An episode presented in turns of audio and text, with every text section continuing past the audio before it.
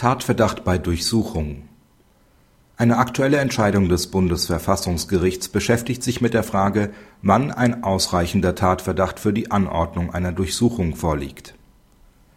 Der Beschwerdeführer war als Beifahrer im Fahrzeug eines Freundes in eine Verkehrskontrolle geraten. Nachdem beim Fahrer in der Hosentasche Haschisch gefunden und durch einen Schnelltest Betäubungsmittelkonsum festgestellt worden war, ordnete der Staatsanwalt eine Durchsuchung der Wohnung des Beschwerdeführers an, obwohl bei diesem weder Drogen gefunden noch ein Drogentest durchgeführt worden war. Die Verfassungsbeschwerde gegen den Durchsuchungsbeschluss war erfolgreich. Nach Ansicht des Bundesverfassungsgerichts lag kein Tatverdacht vor, der eine Durchsuchung gerechtfertigt hätte. Ein solcher Verdacht konnte nicht aus dem Drogenfund beim Begleiter hergeleitet werden. Auch die fünf Vorverurteilungen des Beschwerdeführers wegen BTM-Delikten waren ohne das Vorliegen weiterer tatsächlicher Anhaltspunkte nicht geeignet, einen Tatverdacht zu begründen.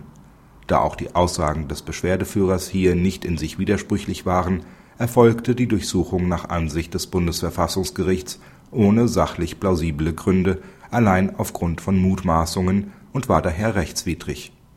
Praxishinweis Nachdem das Bundesverfassungsgericht schon mehrfach die strikte Beachtung des Richtervorbehalts bei Durchsuchungen eingefordert hat, zeigt die vorliegende Entscheidung, dass in der Praxis auch bei der Annahme eines Tatverdachts oftmals allzu laxe Maßstäbe angewandt werden.